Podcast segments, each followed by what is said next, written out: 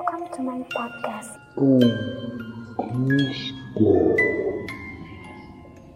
Bersama saya, Cindy.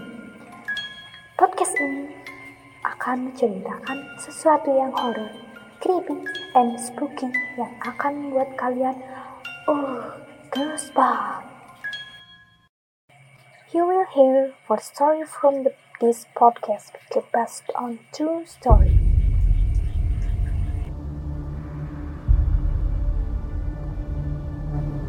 Cerita ini berjudul Rumah.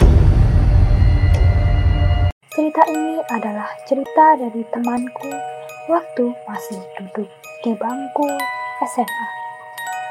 Kami bersekolah berada di desa dan sekolah kami tidak begitu terkenal. Aku dengannya cukup terbilang akrab karena kami sama-sama menyukai cerita mistis. Dan salah satu ceritanya akan saya ceritakan di sini. Sebut saja temanku bernama si N.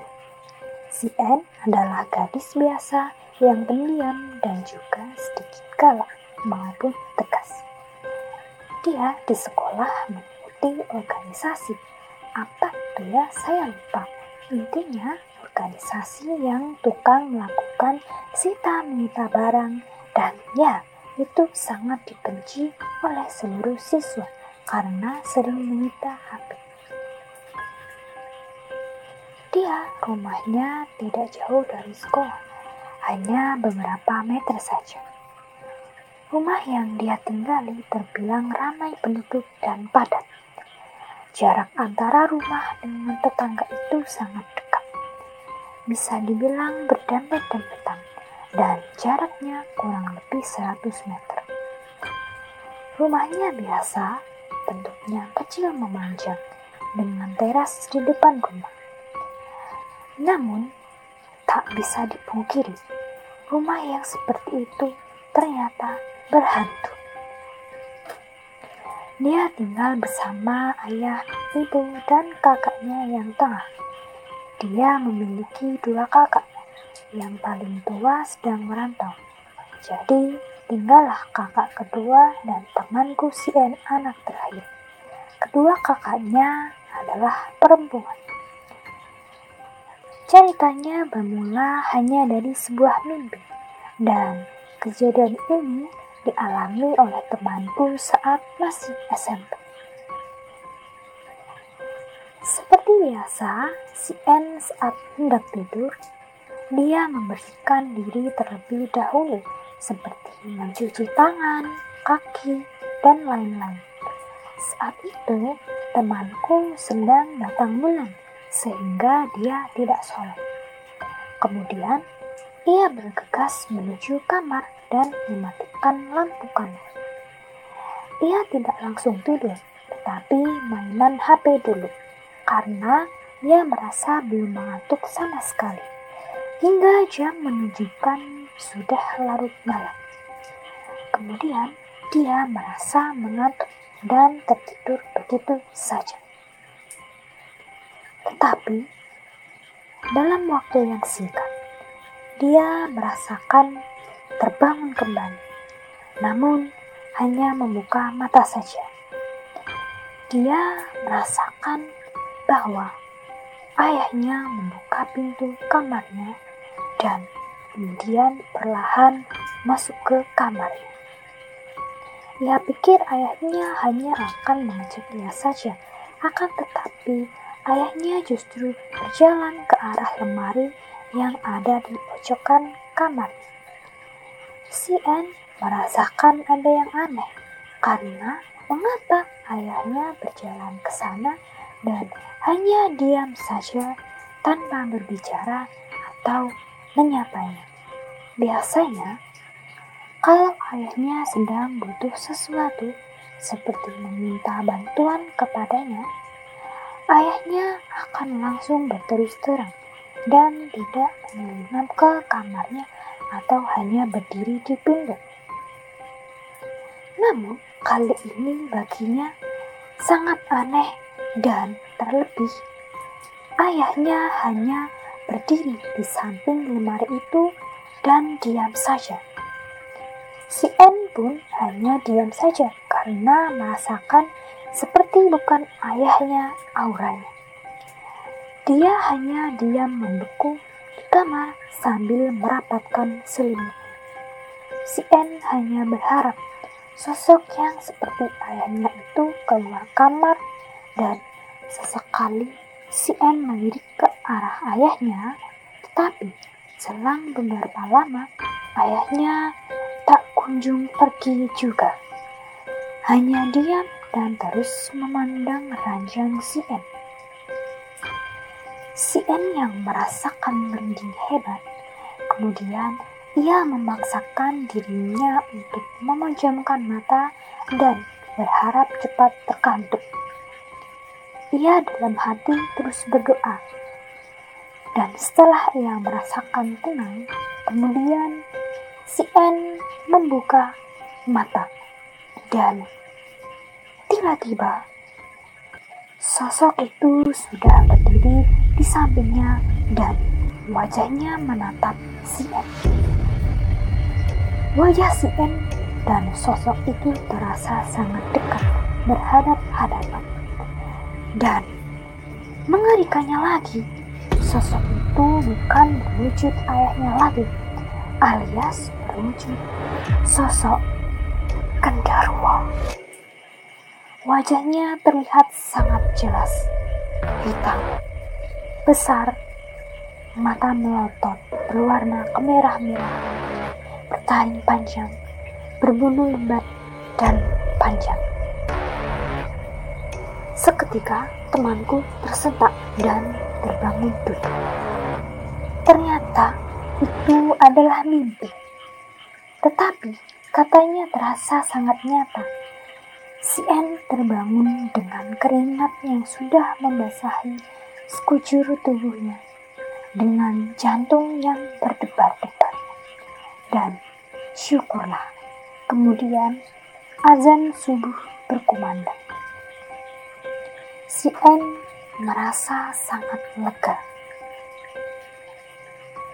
Semenjak kejadian itu, si N sering diganggu oleh sosok itu.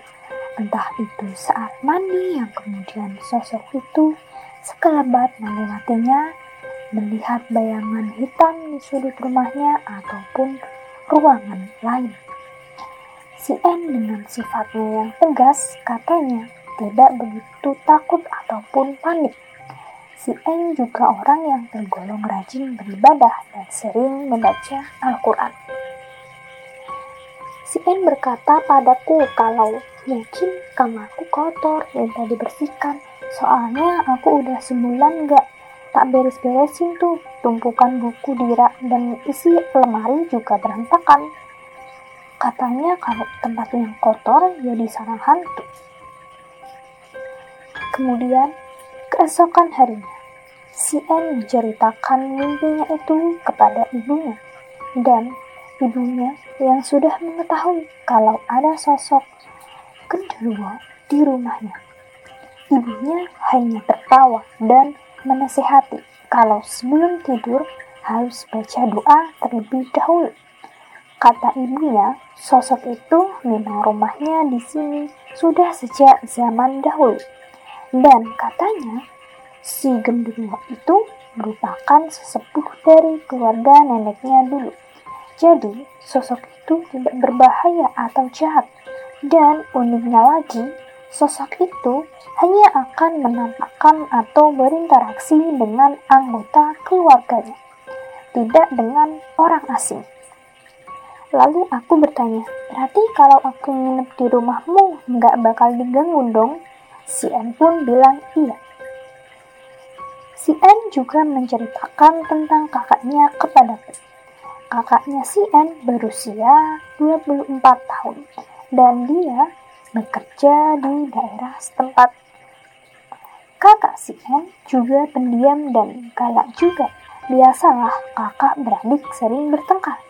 Kakak si N ini terbilang malas dengan beribadah, sangat berbeda dengan si N. Nah, ceritanya begini. Si N sering melihat kakaknya itu kalau malam-malam di dapur sangat lama. Entah itu hanya makan, minum, tetapi di dapur sangat lama. Terkadang hanya sekedar bermain HP, tetapi kadang juga terlihat seperti mau ngobrol dengan seseorang. Tetapi hanya terdengar suara kakaknya yang ngobrol sendirian, dan itu pun suaranya samar-samar. Terkadang juga melihat kakaknya senyum-senyum sendiri tanpa sebab tetapi tidak sedang bermain ponsel.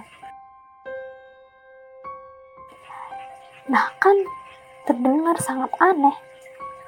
Lagi pula model dapur di rumah di desa itu masih biasa aja dan terkadang agak terlihat kurang bersih. Kecuali kalau dapurnya seperti punya Siska Kol, pasti sangat betah. Aku pun pasti betah di dapur lama. Hihi. Karena si N anaknya cuek dan malas berurusan dengan kakaknya yang galak, ia hanya memilih cuek saja dan tetap diam. Nah, ternyata perkara kakaknya itu terjawab. Ibunya bilang kalau Mbakmu di dapur ada yang nemenin, makanya betah lama-lama di dapur. Itu tuh si Om Genderuwo yang nemenin. Palingan berwujud cowok ganteng, jadi dia seneng terhibur. Oh iya, sebelumnya si N juga mengatakan kalau kakaknya sering seperti itu.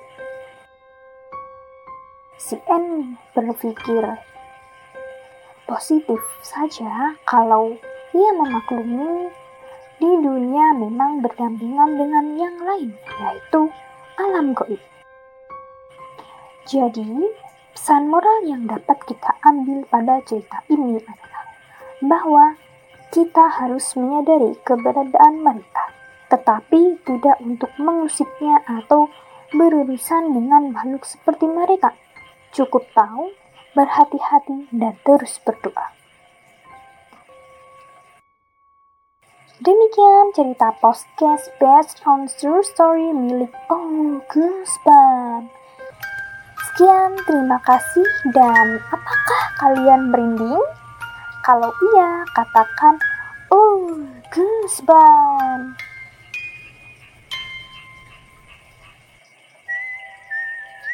Terima kasih anda telah mendengarkan cerita pertama dari Oh Goosebumps di koleksi Horror Story Based on True Story.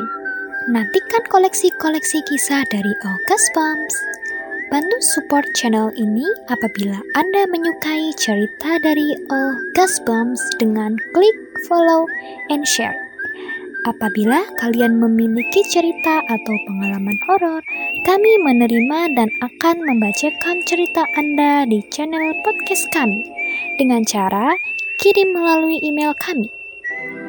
Kami tunggu dan jadilah pendengar setia podcast Oh Gospel.